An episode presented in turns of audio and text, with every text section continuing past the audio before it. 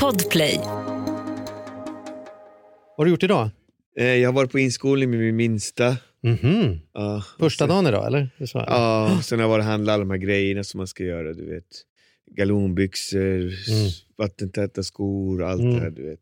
Så du har dragit pengar idag då? Ja, skojar inte alltså. Det fan kosta skjortan.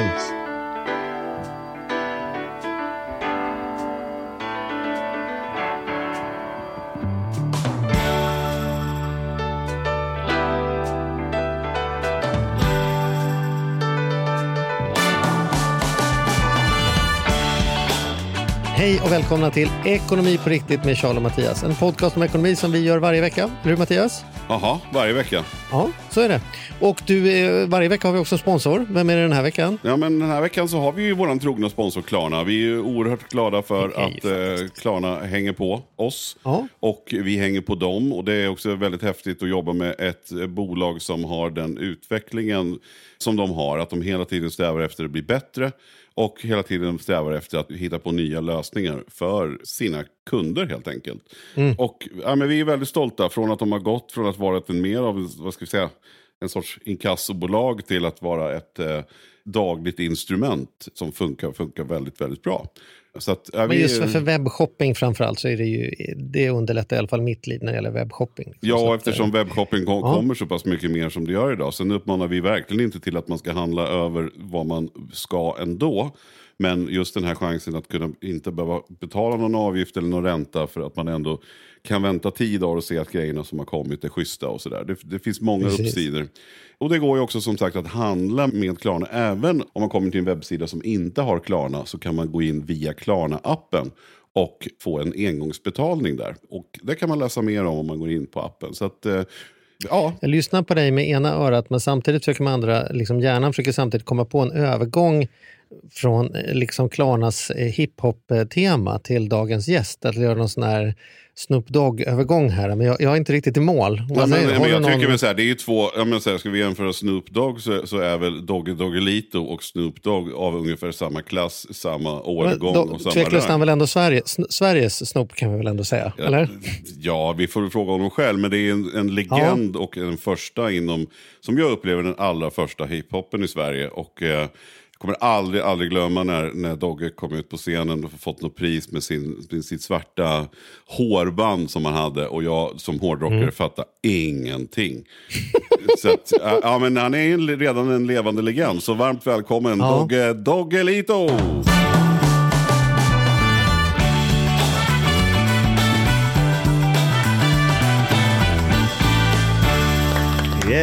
Tack. Där kom det till slut. Ja. Shit alltså. ja. Fasen? Dogge, vad coolt att ha dig med här. Tack så mycket, tack så mycket. Tack att jag får vara med. Jo, läget är jättebra faktiskt.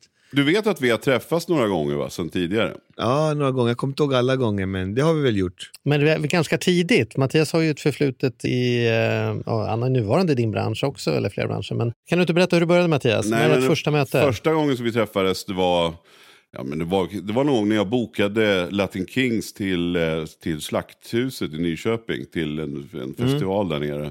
Och då träffades Ja. vi. Sen så, ja, men så har vi sprungit på varandra några gånger, men sen så gjorde vi också det här tv-programmet ihop, Helt magiskt, som gick med de här Ja, just det. Där Troll. nere i Albyhangaren. Ja, precis. Där gjorde vi ju ett program tillsammans, vilket var kul. Och det var, det var Dogge jävligt Vad var tuff. det? Har jag missat det? Det var något så här, man skulle trolla, eller jag vet inte, min grej var att jag skulle träffa, jag tror han hette Micke och vi skulle trolla lite och så här. Ja, precis. Och jag träffade bara- Labero och vi skulle också trolla. Och sen var det det, det trolleriet som blev bäst fick publiken rösta fram. Och sen så vart ju du, så kommer jag ihåg att jag var så jävla rädd för att det skulle bli jag. Så att det blev Dogge som tur var. Och som, som han, han tar ju publiken så det var ingen slump att det blev Dogge. Vi hade ju inte en chans när vi stod på scenen där.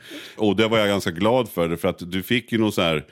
Han skulle knäcka några stockar på, ditt, på din bröstkorg eller något sånt där. Jag kommer ihåg att, att det var ganska tufft där du utsattes för till slut. Du menar våran trolleri-grejer? Ja, jag menar det sista där, när ni, när ni vann liksom över oss andra två. Och sen fick du göra någon sån här final, final test liksom. Och så långt kommer inte jag ihåg. Alltså. Jag kommer ihåg att jag skulle ligga under en giljotin och hugga huvudet av. Och bara, så, Just bara, det. "Ah, men så ligger du här bara, det är lugnt. Så här. Jag bara, men är ni säker? Liksom? Tänk om den här bara går av. Liksom. Ja. Det var inte så jävla roligt, men eh, det löste sig till slut ändå. Ja, men det gjorde det. Ja, men du men du, du måste ju berätta, vad, vad gör du? Jag menar, jag tror att alla känner väl igen dig, jag har sina bilder liksom. Men, men du Ja. är ju ändå, jag menar Redline Records och Latin Kings, det är ju ändå det som, som du slog igenom med. Och, kan man säga, har jag rätt när jag säger att ni var det första hiphopbandet i Sverige? Ja, de brukar säga det. Vi började ju, jag började rappa 1983 och så blev vi kända tror jag 92. Så att man hade väl rappat i tio år innan någonting hände i stort sett. Så om man räknar den tiden, då, då är vi bland de första. Sen fanns det säkert någon som rappade innan och sådär. Liksom. Mm. Men först på skiva var nog MC Tim 86-87 tror jag. Mhm. Ja, okej. Men, eh, men sen blev Latin Kings, när, när de, för vi rappade ju på tunnelbanan 1983, 84 och, och Mm. så här.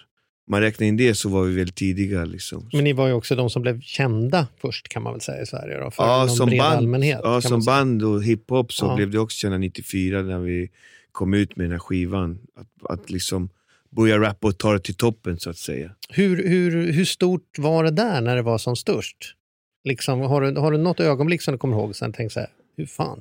Ja, det är massa fina grejer man, man har bärt med sig. Få, alltså först och främst vill jag säga att jag hade en dröm att få rappa när jag blir stor. Liksom. Mm. Och det är en dröm och när du som ung får göra din dröm samtidigt som du har drömmen, det, är så här, det skulle jag önska alla ungdomar Mm. att få göra. Liksom.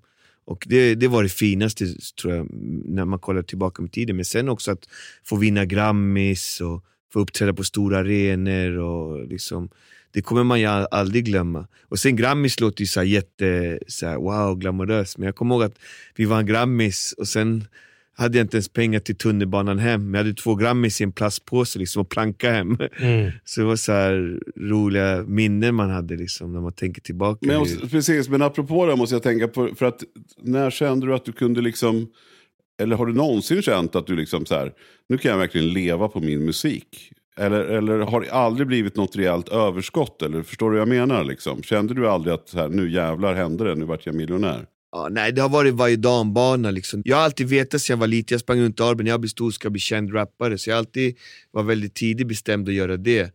Sen det är klart, vill man tjäna cash, åka fina bilar och allt det där liksom. Men sen förstår man ju också att liksom, det är inte säkert att det blir så. Så det har varit vissa guldtider och vissa andra eh, sämre tider. Det, det är lite varje dambana så att säga. Liksom. Hur har du varit med pengar då? Är det som att du blir stressad när det är lite? Jag har bara levt för med- dagen, bara, way, jag har bara levt och bara slösat. Det löser och sen sig har alltid. blivit skattesmällar och allt möjligt. Liksom. Ja, ja. Så att jag, jag har varit väldigt, vad säger man, oaktsam. Levt för dag och struntat i morgondagen. Liksom. Och det har ju varit jättedumt för jag sitter fortfarande och är skyldig och måste betala tillbaka. Liksom. Man kämpar, men man blir äldre, man lär sig. Vi var ju väldigt unga också sen när det- smällde på. Vi var väl 15, 16 år, 17 kanske. Vi var inte så gamla. Mm. Så det var inga stora pengar i början men man, liksom, man ville bara leva liksom. Så man tänkte inte riktigt kanske på allt. Så att, eh, det tog väl några år innan man förstod liksom, spelet så att säga. Och I början var det inga stora pengar. Liksom. Men sen så var inte riktigt skattemyndighetsspelet med där och sen så får du sitta och betala på det nu eller? Ja, en del. Man, Ja. man har kvar, liksom, man kämpar. Så det, men det är så det är. Liksom. Det känner man igen många musiker som hade. Liksom. Mm. Man har tjänat jättemycket och sen helt plötsligt tjänar man jättelite. Mm. Men det där äh, att det är ingen jämn inkomst alla gånger. Liksom. Det gör ju att det, det blir svårt. Och sen är jag konstnärssjäl, jag kan ingenting om matte, ekonomi. Mm. Jag satt och skrev raptexter på mattelektionerna. Mm. Så att, Mm. eh, det straffar sig nu om man säger. Liksom. Men hur är det med dina barn? Tänker du så att äh, det har funkat för mig, det kommer funka för dem? Eller blir du lite den där pappan som tänker nu ska ni inte göra de misstagen jag har gjort, nu tar vi ett litet budgetsnack ändå här. Liksom. Ja, nej, vi har inget budgetsnack sådär. Liksom. Nej. Man försöker ändå förklara att eh, allt kostar ju. Liksom. Mm. Och det kostar ju också bara att ha barn. Liksom. Det, det, Mm. det kostar mycket. Du vet. Mm. Alla grejer de ska ha. Bara nu idag är inskolning för min lilla. Liksom. Det är galonbyxor, det är overaller, det är skor, det är liksom, ja, hur mycket som helst. Hur många barn har du idag Dogge? Jag har sex barn. Sex barn? Jävlar. Ja, ja visst. Hur många ska det bli? Nej, alltså, jag är nöjd sådär. Liksom. Men alltså, barn är alltid en välsignelse. Mm. Det är min största rikedom. Mm. Mm. Ska jag säga. Fint. Har det blivit musik för dem? Alltså, hur, gamla, hur gamla är de äldsta nu då? Har de, går de i pappas fotspår? Den äldsta är 20. Nej, ingen går i mina fotspår. Jag tror de är ganska trött på liksom, musikliv och sådär. Liksom. De ser ju, det är, ingen, det är inte så glamoröst många gånger. Liksom. Det är, man är borta mycket, mycket resor, konstiga tider och sådär. Liksom. Mm. Nu är det väl mindre sånt, liksom, men det har ju varit mycket så. Liksom. Mm. Jag tror att eh, många ser ju bara det braiga, liksom. det dåliga syns ju oftast inte utåt. Men hur Mm. tycker du då att det har blivit skillnad då om man tänker musiken från när ni började med hiphopen? Sen, sen var det ju många då, inklusive jag, som, som kände att hiphop det är nog någon, någon fluga som går över. Tills man nu har förstått att det är liksom tvärtom. Det har liksom blivit den största musikgenren och det liksom fortsätter och kommer grymma talanger underifrån och sådär. Men vad, vad, känner du? Vad, är- vad är skillnaden från när ni slog igenom till, till dagens hiphop? Och då menar jag både ekonomiskt men också liksom rent acceptansen och att man kan komma ut med, med sin musik och sådär. I mean, allting, musik ändras ju alltid. Liksom. Först och främst musik är ju ungdomens tid om man säger. Liksom. Det är alltid ungdomen som styr vad som ska bli och vad som blir känt och vad som blir stort. Liksom. Så är det ju. så att, eh, Men det som har hänt, vi blev utskällda när vi rappade. Det där är inte musik, det där är bara skit. Och Mm. Idag är det världens största musikgenre som du säger. Så att det har ju ändrats jättemycket. Liksom. Mm. Sen på vår tid var det skivor, nu allt digitalt. Så att allt, allt har bara utvecklats. Men för min del så har det bara blivit mer att göra för att det är mycket lättare idag att göra musik. Mm. För när vi var små, det var ju så här skräckhistorier. Liksom. Ah, om man, man måste hyra en studio, det kostar 10 000 i timmen och grejer. Liksom. Det var ju omöjligt för oss fattiga pojkar att komma in i en studio i stort sett. Man hade inte råd. Liksom. Men idag är tekniken så bra så du kan ju i stort sett spela in ett album i köket hemma. Liksom. Mm. Så det, så på så sätt har det ju blivit mycket, mycket bättre. Liksom. Men tycker du att det märks också på musiken? Jag måste ju verkligen blotta mig och säga, jag har inte stenkoll på hur hiphop-scenen ser ut 2021, men är det många coola man som kommer fram från köket eller är det ändå så att det är några storbolagsprodukter?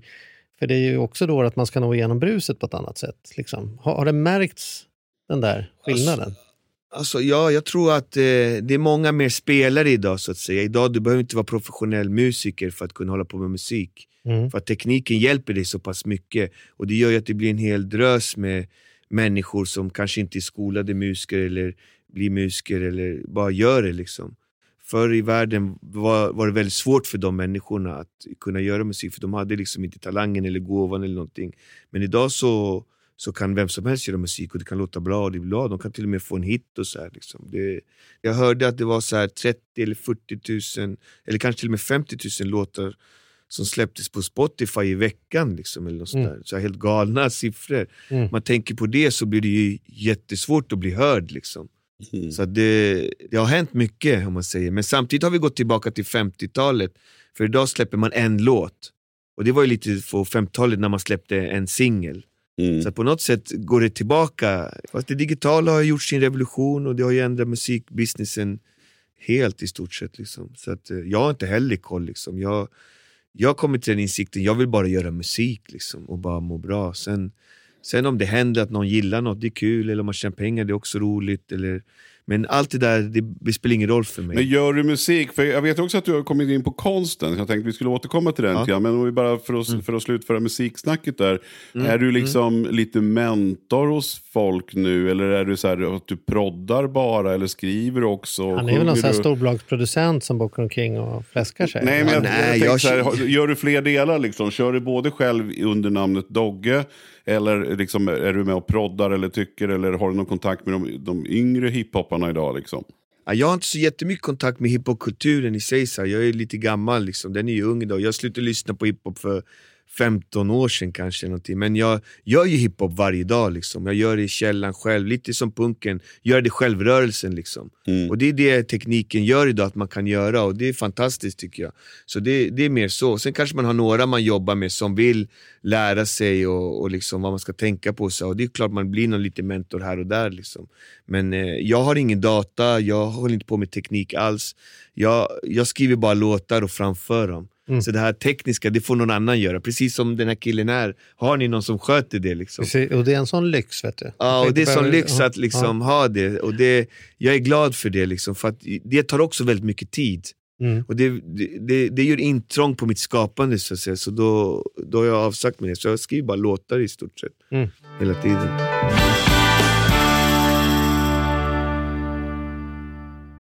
Den här podden gör vi även den här veckan i samarbete med Saveland. Fan Mm. vad kul det är att ha dem med ombord. Mm. Jätte, jätteroligt. Ja, vi brukar prata om att man har något band som man såg jag stod Bo Kaspers jädrigt tidigt liksom, innan man gjort tv-debut. Och du har något hårdrocksband som du var jävligt tidig på. Ja, alltså jag var på, på Lilla Teatern Göta Lejon och såg Metallica Ja. 1984. Så gammal är jag. Och jag var i kontakt med Saveland när det fortfarande var typ tre, fyra personer där från början. När jag fick möjlighet att träffa dem. Eh, och nu är de ett stort bolag, fyller tio år, finns på börsen och jobbar helt enkelt med att vanliga privatpersoner och företag kan investera pengar eh, i eh, lån och krediter. Så man får riktigt bra ränta. Så eh, det rullar på efter tio år, bättre än någonsin. Fantastiskt kul att ha dem med här i podden. Gå in, testa, kolla. Vi har en kod som gör att om du öppnar ett konto och använder på riktigt får du dessutom en insättningsbonus just nu. Precis, och vill man veta mer så som sagt gå in på saveland.se. Man kan också lyssna på Ludvig som har varit gäst i vår podd två gånger. Får Ja. man en ännu bättre inblick i Ja. vad, vad det är de pysslar med egentligen. Men eh, ja, saveland.se och stort tack. Ett poddtips från Podplay. I fallen jag aldrig glömmer djupdyker Hasse Aro i arbetet bakom några av Sveriges mest uppseendeväckande brottsutredningar. Går vi in med hemlig telefonavlyssning och, och då upplever vi att vi får en total förändring av hans beteende. Vad är det som händer nu? Vem är det som läcker? Och så säger han att jag är kriminell, jag har varit kriminell i hela mitt liv men att mörda ett barn, där går min gräns. Nya säsongen av Fallen jag aldrig glömmer på Podplay.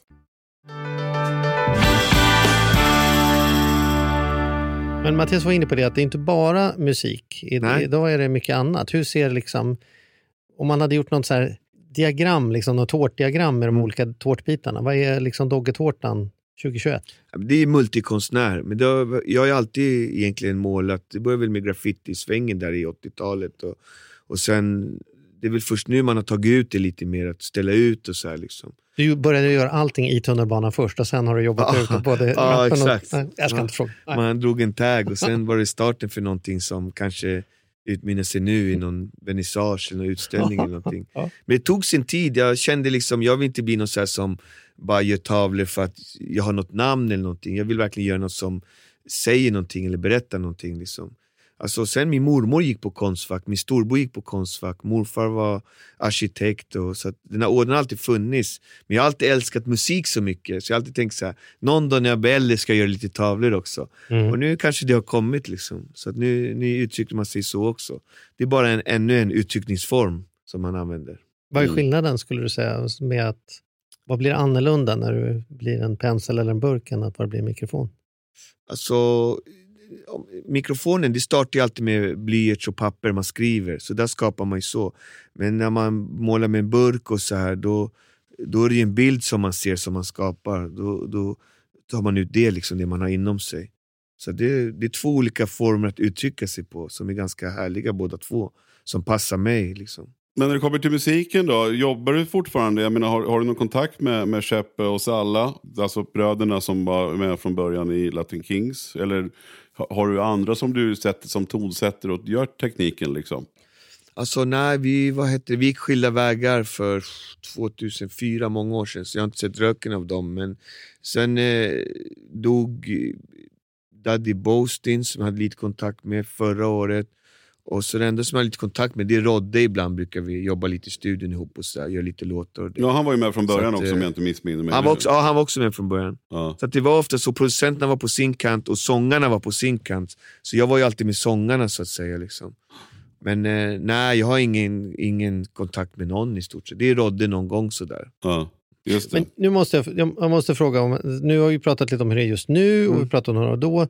För mig, nu är jag ärlig här, så har jag ju mer relation till dig allt det där andra som har hänt emellan. Du har ju verkligen varit en tusenkonstnär. Det har varit reklamfilmer, liksom, alla brukar hänvisa till så cykel på köpet Yes, yes. och det har varit liksom tv-program och gameshow-host och barnprogram. Och liksom, hund, alltså, så här, det finns ju nästan inget område där inte du plötsligt har poppat upp som en liten så joker i lådan. Har, det varit, har du haft någon strategi med det? För att, för att det verkar som om du kommer undan med det. Jag tänker så här, jag hade aldrig kunnat göra det du gjorde för mitt varumärke hade sagt så här, ah, han har ingen trovärdighet längre, han kan inte hålla med det dagen och andra dagen och tredje dagen. Du verkar kunna hålla på med precis vad som helst, göra samarbeten precis vem som helst och ändå fortsatte folk att, att gilla dig? Liksom? Har du reflekterat över detta? Fast jag har aldrig tänkt på så här att, liksom, så att jag är ett varumärke eller aldrig så här, ja, det här är viktigt för min image. Eller, jag är oftast bara en glad person som delar med mig och jag älskar att stå på scenen och göra program och teater och allt där. Jag tycker det är skitkul. Och så här reklamfilmer, alltså, det är det bästa jag vet nästan att göra. Och eh, jag tror att det, den glädjen går igenom, liksom. folk känner det. det är liksom, och sen är, har man också blivit utskälld, liksom, ah, man är sellout eller man gör bara för pengar eller det ena och det andra. Och det är ganska tröttsamt. Jag har alltid tänkt att jag är multikonstnär, får jag chansen att göra grejer så ska jag göra det. Kanske om några hundra år eller 200 år eller någonting så kommer forskare forska i Doggelito. Ja. Då kommer man se, okej okay, den här killen han gjorde allt det här. Och då kommer alla mina reklamfilmer som jag gjort, som kommer vara flera hundra då förmodligen, vara som en då, dåtidens tavla. Så en, det är en installation egentligen. Så reklamfilmerna är en del av min installation, en del av vad jag är så att säga. Så att, och sen den här vägen när man gjort alla de här programmen och allting. Man har ju lärt sig så fruktansvärt mycket. Liksom. Det har varit väldigt roligt. Det är ingenting som jag ångrar eller liksom, jag gör det för att jag själv vill. Liksom. Men har du fått mycket skit för det tycker du? Eller? Vissa grejer har man ju hört. Ja, nu det, man dyker upp här och där. Liksom. Men mm. Jag har alltid tyckt att det är väldigt kul och roligt att göra tv, göra kameror och program och mm. stå på scen och också skådespela lite och sånt där. Jag, jag älskar sånt. Jag, jag har aldrig haft problem med det. Jag såg Max von Sydow sa någon gång, ja. han fick, inom 90 fick han frågan hur han väljer sina roller. Liksom ja. Han är Pelé-rövaren där och sen liksom eh, Kejsar Ming i Blixtgården. Liksom hur går ja. det till? Och, och, han svarade mycket ödmjukt, men jag är en arbetande skådespelare. Jag tar de rollerna jag får. Om någon ringer och säger vi vill ha med dig, om jag kan då, så då gör jag det. Så jag är det bästa av det materialet jag har. Det är ganska det är lite generande, så prestigelöst. Liksom. Jag är inte så jävla skitnödig. Är det reklam eller är det teater? Det är samma för mig. Jag tar de jobben jag får och så jobbar jag och har kul och gör det bästa jag kan. Liksom. Exakt. Så då har jag samma syn som Max von Sydow ja. som är en legend. Liksom. Ja. Men lite den synen faktiskt, att liksom, man är glad så länge man får vara med. Alltså, I den här branschen, det är inte, det är inte alltid man får vara med. Liksom. Så får man vara med är man bara glad. Liksom. Mm. Så att, jag brukar tänka så åh vad kul, nu gör vi en reklamfilm till. Mm. Man var skoj alltså. Det finns, ska... det något du inte har, finns något du har tackat nej till? Och så här, ah, det där känns fan inte okej okay för liksom... Ja, det är ofta som det har krockat med någon annan eller någonting. Mm. Men annars, det mesta som jag fått har, har funkat liksom. Men mm. inget, jag kan inte komma på någonting. Mm. Sådär, nej.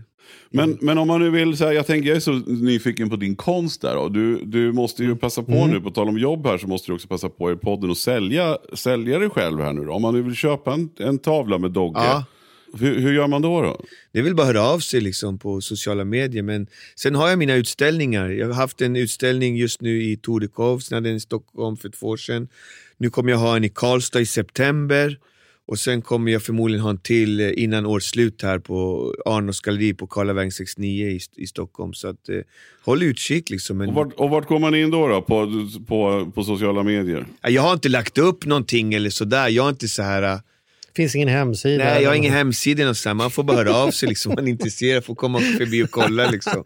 Men eh, det, jag kanske, det är många som säger det, du borde skapa en hemsida. Ja, alltså, då, känner du inte att det ändå, att, att, tänker du inte att du är lite annorlunda? Det är ju väldigt sällan någon lever på konst men inte har kommit på idén att man ska ha en hemsida. Eller liksom, på alltså. med, tänker du att du är en udda fågel? För du är ju verkligen väldigt jag osäljig på det där sättet. Men liksom, ja. Jag har alltid varit annorlunda sedan jag var liten. Liksom. Det, det alltid varit så jag kommer ihåg när jag sa att ah, jag ska bli bästa rapparen när jag blir stor. De bara nickar på huvudet. Äh, men det tror vi inte, det här låter skit. Liksom. Nej, rap. Och, så att det är samma sak med det här. Man märker sig att folk bara, ah, men du måste göra en hemsida. Mm. Och de är mer taggade än vad jag är. Liksom. Ja. Och jag bara, ah, men jag vet om jag orkar. Alltså. Jag, vi mm. får göra det, vi får ta det på framtiden. Vi fixar någonting. Så det, är inte, det är liksom jag, jag tror att eh, det kommer väl komma liksom, men det är klart om folk är intresserade, vill bara höra av sig liksom. Men det har varit väldigt kul på de här uh, utställningarna, vernissagen i alla fall, för att folk uh, tycker grejerna är bra och det är väl det roligaste kvittot för liksom, att man, man gör någonting som folk tycker om. Jag, är ju, jag vill vara synonym med glädje liksom. Sen om man kan sälja en tavla, då är det ännu roligare. Jo men, du, jo, men du säger att man bara ska höra av sig. Vart, vart, hitt, vart hittar man dig då? Är det på din... Ja, men jag har ju Instagram, Doggelito official, jag har Facebook. Och ja, liksom... du ser. Bra. Bra. Väl... bra. Så, ja, så ibland lägger jag upp någon tavla här och där. Liksom. men, det är inte... men jag har inte kommit igång i en sån här säljgrej aktiongrej liksom. Jag kanske borde göra det, bli bättre på det. Jag kommer ihåg när jag bokade dig en gång Dogge för väldigt många år sedan. Så det är säkert preskriberat. För då sa jag att du ska skicka fakturan till den här adressen. Och då sa du så här. Jag tar bara cash. Aha. Ja, det var klassiker på vår tid när vi var Ja, det gick inte att få någon gjorde ju något som heter cash in tas. Exakt. Ja. Jag har för mig också att du, att du myntade ordspråket, det har jag i alla fall kört med ibland. Att du, du sa, istället för att den som spar han har, så sa du att den som tar han har. ja, det kan, det kan mycket möjligt vara så. Men du Mattias, nu berättar den här historien som om det skulle vara lite komprometterande att, att Dogge tog svarta pengar. Det jag är mer intresserad av, vad svarade du då? då? Löste du det eller inte? Apropå Ja, preskriberat. eftersom det är preskriberat så hittade jag en lösning för det då. Jag, jag kommer inte avslöja Okej. hur. Ja. Jag tror vi var så jävla många som kom och rappade så det blir bara struligt liksom. så, jag tror att det var det. Var kul att du orkade med oss. Ja, liksom. ja, ja, för fan. Absolut. Åtta stycken jobbiga ungdomar liksom, som ska upp på scen och rappa. Ja, nej, det var... Men du, har det funnits någon, finns det någon, du säger så här, det är liksom den högsta drömmen, att man har någonting man vill göra när man är ung och så får man göra det. Och dessutom när man är ung. Mm. Men det finns också de som säger att man ska vara försiktig med att uppnå sina drömmar för tidigt. Att det känns som att man, ja vad ska jag göra nu då? Har, har du någonsin känt så här att fan jag fick allt jag någonsin ville ha när jag var 16. Liksom. Vad ska jag göra nu i 80 år då? Liksom? Ja exakt, men det är faktiskt sant det du säger. För sen när man blir 20, bara ska jag verkligen göra det här. Sen blir man 30, bara men ska jag verkligen göra det? Ska jag inte göra något annat liksom? Sen blir man 40, bara ah, shit jag håller på, ska jag fortsätta med det här? Så i år har jag rappat i 39 år och då känner jag så här, shit, det här ska jag nog göra hela livet. Alltså. Nu har du landat i att det här kommer vara Ja, din det, här, grej. det här är nog det jag kommer göra. Hur det än går så kör jag in i, så långt det går. Liksom. Ja. Rappa så mycket det går. Men om man kollar på fotbollsspelare så de, ju, de måste ju lyckas snabbt för karriären är mycket kortare innan de blir för gamla eller skadade. Men som musik kan man hålla på hela livet i stort sett tills man inte kan mera. Liksom. Men du kan hålla på det mycket, mycket längre. Så jag skulle kunna rappa liksom, ja, tills jag inte kan prata mer i stort sett. Liksom. Mm. Så att jag är nog någonstans nu kär, men nu kör jag på det här. Liksom. Och det är ju lite blandning. Det är, det är multikonstnär, det är dogge med svenska folket, det är rappare, det är konstnär. Det är liksom, jag har ganska roligt jobb ändå. Liksom. Man, man varierar, ingen dag ser likadan ut. Och lite poddar så här. Och, och sånt. Så det, det är kul faktiskt. Man är, man är glad att man får vara med. Hur är det att vara så pass folkkär och känd som du är? Är det aldrig någon belastning att man går på ICA, folk har åsikter om vad du har i korgen eller att det, folk säger hej hej på stranden och så tänker du så här, fan jag vill hålla in magen. Alltså, så här, finns, upplever du bara att det är kul? För du måste ju vara en av Sveriges kändaste personer så här, som att alla ändå skulle kunna peka ut dig på en linje och säga ja men det är han. Liksom. Ja, absolut. Det är, alltså, jag är så van, för att jag tror jag blev känd när jag var 15 redan. Så att jag har ju levt väldigt länge med det här. Liksom. Man, man vänjer sig så att säga. Mm. Man är van liksom. Men man, ibland kan man gå med andra som inte är vana och så ser de hur folk tittar annorlunda. Så här. Men det roliga med mig är att folk blir väldigt glada när de ser mig och det tycker jag är ganska skönt. Så här. Mig och Mattias är tvärtom, de blir bara rädda att vi ska springa fram och ta kortet ifrån dem och grejer. Ja, exakt. Men, respekt. det är ja, ingen som blir glad när de ser mig mig. blir de glada, men det är Ja, ofta kul. så här, som idag, man stod, var någon tjej i kassan bara Är det Doggelito? Mm. Jag bara, "Ja." då, bara, då gjorde de så här yeah, gjorde de så här häng loose-tecken och bara yeah vad coolt liksom. Och då, då, då blir man ju glad liksom. Ja. Sen är det allt, nu för tiden är det så annorlunda liksom, ah, får man ta en selfie? Liksom, och någonstans så bygger man relation med folk också på vägen och träffar väldigt mycket människor när man eh, har varit med så länge som jag. Och det är väldigt kul, jag är, jag är väldigt social så jag tycker det är kul. Men jag vet ju en del artister som tycker sånt är skitjobbigt och låser in sig och inte klarar det psykiska biten så att säga. Det Det blir blir en belastning att hela tiden stå i rampljuset även när man inte... Även när de vill vara privata Ja. liksom, och det, det blir tufft för dem och det kan jag förstå. Liksom. Men för dig har det inte varit som att du känner Nej, för att jag blev, jag blev eh, igenkänd redan när jag var liten. Jag kommer ihåg Mm. det första gången det hände också. Jag var på väg till stan och då hade jag en keps som det stod så här, Stockholm svartskallar. Och så i Gamla stan så började folk peka så här på mig och, så, och jag kunde inte förstå, vad är det? Är det kepsen som det står, står att det är liksom någon rolig grej? Eller varför pekar de på mig? Och så, jag kunde inte förstå det liksom. Och sen kom jag på det liksom att dagen innan hade Anna Björkman intervjuat mig i Aftonbladet. Och det här var innan det digitala, innan internet och allting. Då hade ju liksom Expressen och Aftonbladet, det var ju liksom största Mm. nyhetskanalerna för svenska folket. Och då var jag på en helsida i Aftonbladet med samma keps. Mm. Och då kände folk igen mig. Liksom. Ja. Och då, då kom jag ihåg att jag bestämde sig, aha, är det så här det är att vara känd? Alltså att folk känner igen en. Ja, jag får väl ta det om jag vill göra det jag älskar, att rappa. Mm. Jag får, då bestämde jag redan då att det, det är så det är bara. Och sen har det varit okej okay med det. Liksom. Men hur, hur har det varit för dig? Man måste, det, det är ju väldigt mycket diskussion om det just nu med tanke på alla gäng, gängskjutningar ja. och allt sånt där. Då. Så du som har bott i orten hela ditt liv, mm. känner du att det på riktigt är någon skillnad? Eller är det medias upp... Alltså vi vet att det finns problem, men det finns det ju överallt. Och det, liksom hela den här grejen. Men, men känner du någon skillnad när du går och hur du säger till dina barn mot när ni, då när ni var kids? Liksom. Tycker du att det har blivit ett värre, inom situationstecken, klimat? Jag eller? tror Sverige har blivit lite tuffare faktiskt, samhälle, hårdare klimat och så här. Men sen när jag tänker på det så, jag växte upp på 80-talet och så läste jag någonstans att det var mer skjutningar på 80-talet än vad det är nu. Och till och med på 80-talet sköt de vår statsminister. Alltså om man tänker på det, det var ju helt sjukt 80-talet när vi växte upp. Så att, mm. jag vet inte hur jag ska förhålla mig till det. Liksom.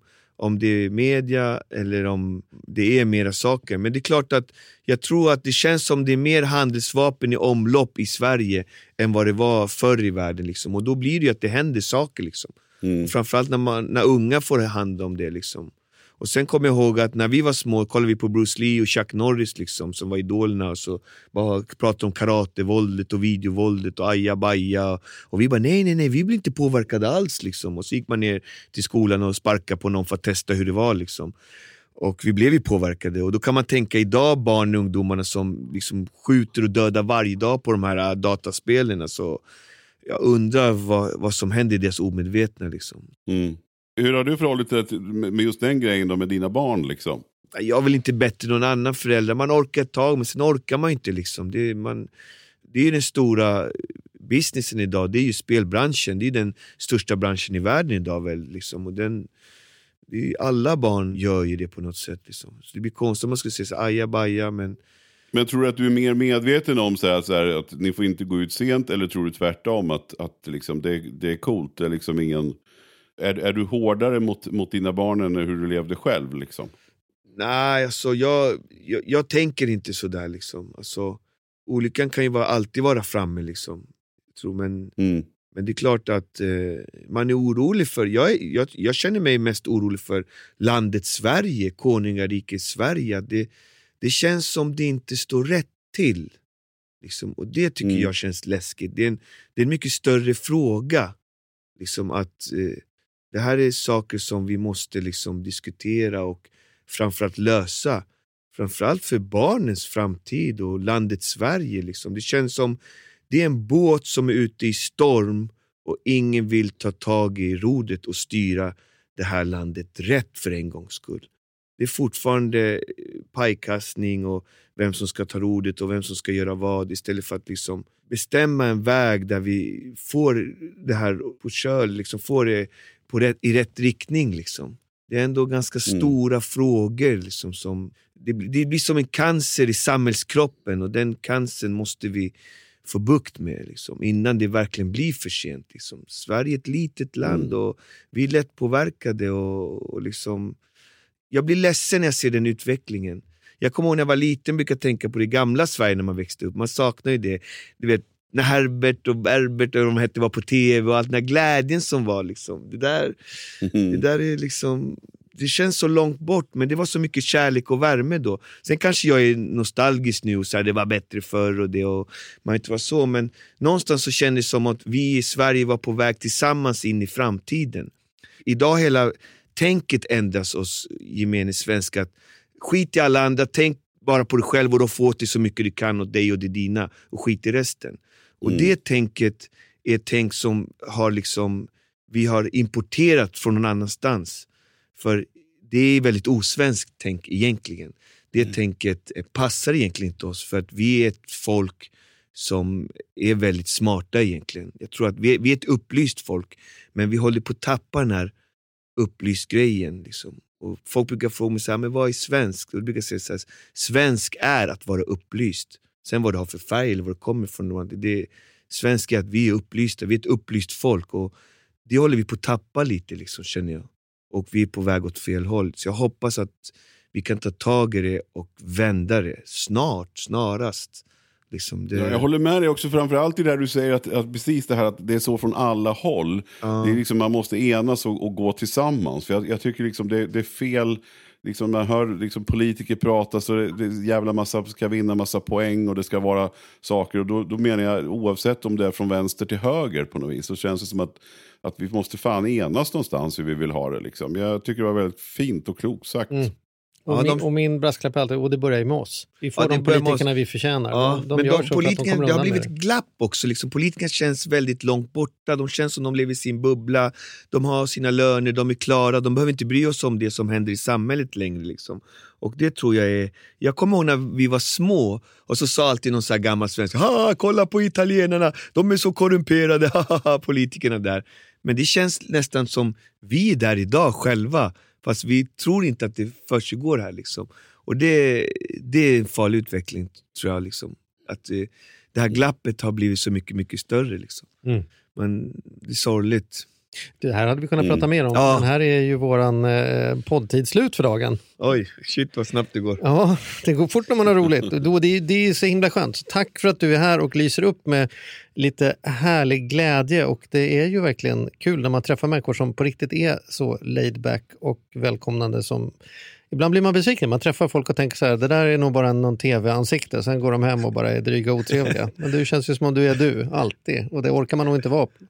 Liksom, köra den fake-fasaden i, i 30 år, det blir hårt jobbat. Liksom. Tack så mycket, tack. Mm. Jag gör mitt bästa. Ja. Ja. Skit, skitkul och, eh, och eh, träffas igen Dogge. Super, super tack för att du kom. Verkligen jätteschysst. Tack själv. Simma lugnt, kram, tack. gott. Och alla ni som vill nå mig finns på Facebook och på Instagram, Doggelito official.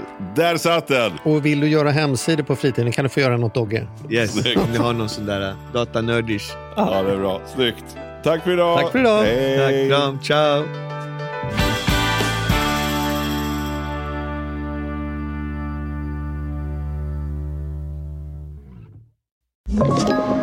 Podplay.